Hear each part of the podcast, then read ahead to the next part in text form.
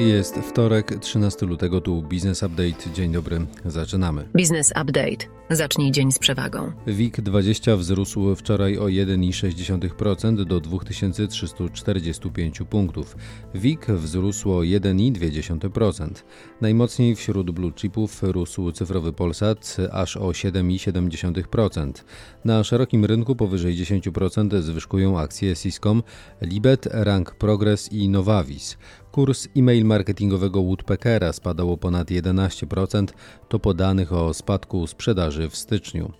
Wczoraj nieco umocnił się złoty, dolar potaniał do 4 zł, za euro trzeba było zapłacić 4 zł 30 groszy.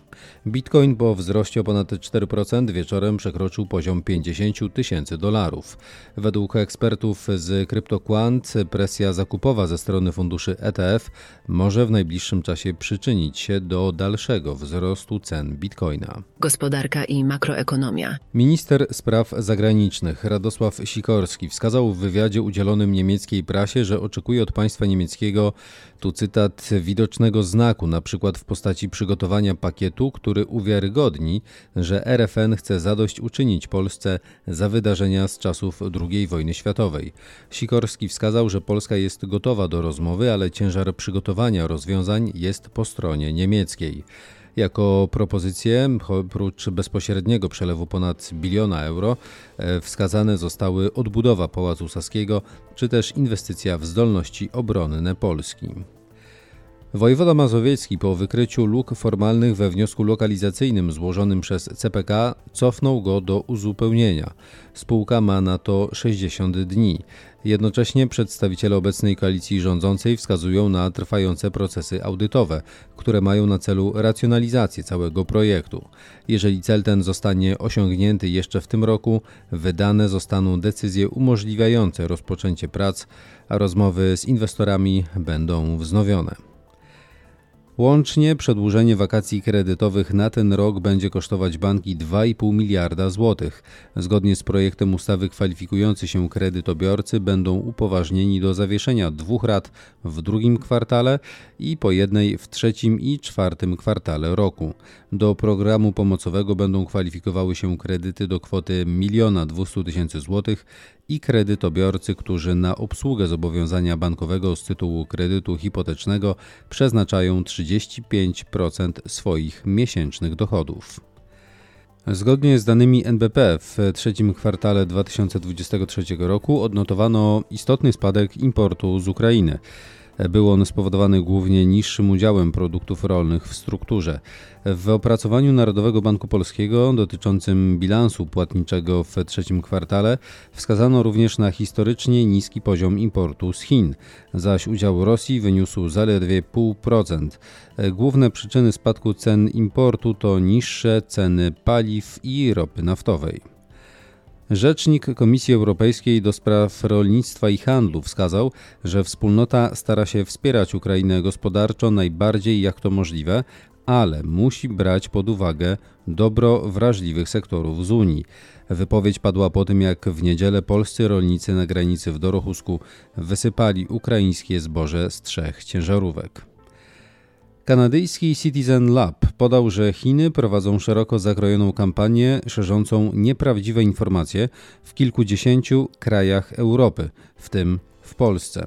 Wykorzystują w tym celu 123 dedykowane strony internetowe z propagandą. Jak wskazało Citizen Lab, w Polsce są to serwisy pod domenami bydgoszczdaily.com oraz wawelexpress.com. Informacje biznesowe. Maersk oraz Hapag-Lloyd w porozumieniu zmieniają siatkę połączeń na Bałtyku, donosi Puls Biznesu.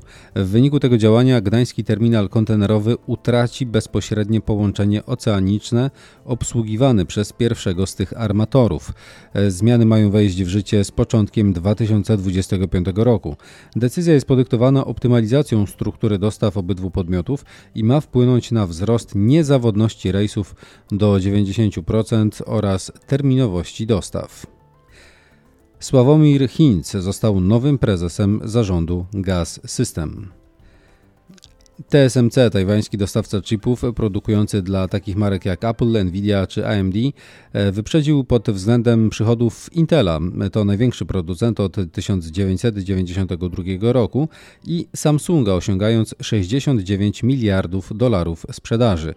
Kapitalizacja spółki planującej inwestycje w budowę fabryki za ponad 20 miliardów dolarów w Japonii we współpracy z Sony i Toyotą wynosi obecnie 620 miliardów dolarów. Potencjalny atak Chin na Tajwan wiązałby się najprawdopodobniej z gigantycznym załamaniem łańcucha dostaw w sektorze półprzewodników.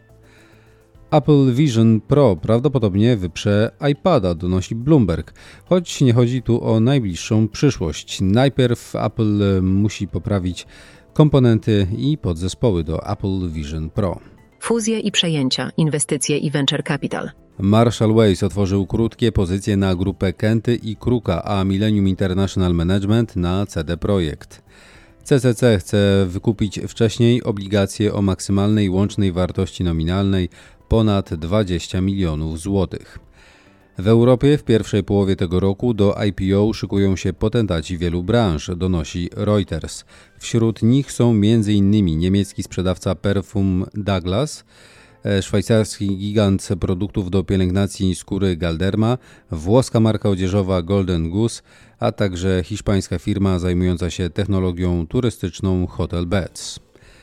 Rodzina założycieli włoskiego producenta luksusowych torebek i butów Tod's oraz firma private equity El Cateron wykupią firmę z giełdy. Spółka została na potrzeby transakcji wyceniona na około 1,5 miliarda dolarów, wyłączając zadłużenie.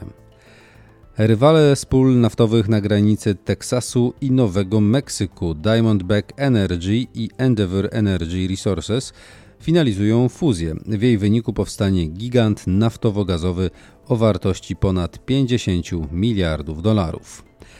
Największe firmy przewozowe w Azji Południowo-Wschodniej, Grab Holdings o kapitalizacji rynkowej równej nieco ponad 13 miliardów dolarów oraz grupa GoTo wznowiły rozmowy w sprawie potencjalnej fuzji.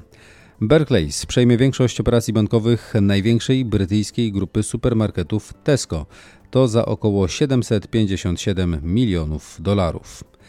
Grupa Sony nabędzie połowę udziałów w katalogu muzycznym zmarłego gwiazdora muzyki pop Michaela Jacksona. Cena to co najmniej 600 milionów dolarów, donosi New York Post. Prawo i podatki. Ministerstwo Cyfryzacji poinformowało, że trwają prace nad wprowadzeniem alternatywnego sposobu autoryzacji w systemie rejestrów państwowych. Chodzi konkretnie o certyfikaty wydawane urzędnikom za pośrednictwem Centralnego Ośrodka Informatyki na zakupionych przez gminy kartach kryptograficznych. Docelowo ministerstwo zamierza odejść zarówno od papierowych wniosków, jak i od kart kryptograficznych. Sejm przyjął ustawę, zgodnie z którą firmy mogą jeszcze przez rok rozliczać, zaliczać do podatkowych kosztów darowizny przekazane na cele związane z przeciwdziałaniem skutkom działań wojennych w Ukrainie. W następnym roku nowelizacją ustaw o PIT i CIT zajmie się Senat.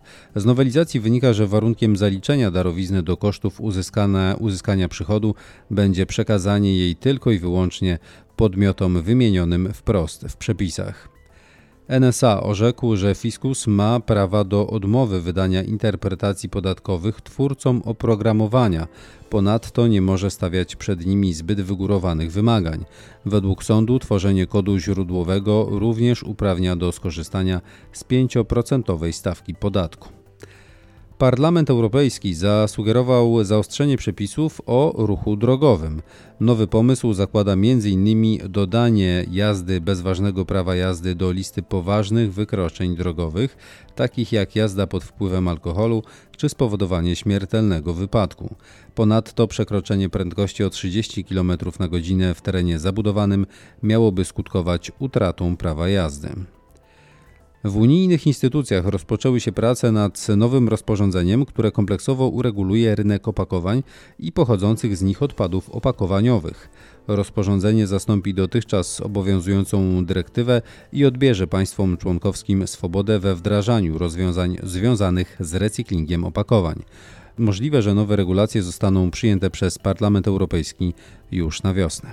Dane i badania rynkowe. O 2,6% rok do roku do nieco ponad 88 tysięcy wzrosła liczba rejestracji nowych firm w czwartym kwartale ubiegłego roku, podał GUS. W tym samym czasie liczba upadłości spadła o 12,5%. W styczniu w rejestrze Regon zarejestrowano przeszło 34,5 tysiąca podmiotów. O nieco ponad 11% wzrosły ceny transakcyjne w siedmiu największych rynkach nieruchomości w czwartym kwartale ubiegłego roku, wynika z danych NBP. W tym samym czasie ceny ofertowe wzrosły o prawie 16% rok do roku. 67% polskich studentów myśli o założeniu własnej firmy, wynika z badania Fundacji Edukacyjnej Our Future Foundation oraz Akademii Leona Koźmińskiego co druga osoba spędzająca walentynki samotnie sprawi sobie prezent z tej okazji. Wynika z badania przeprowadzonego przez Velobank.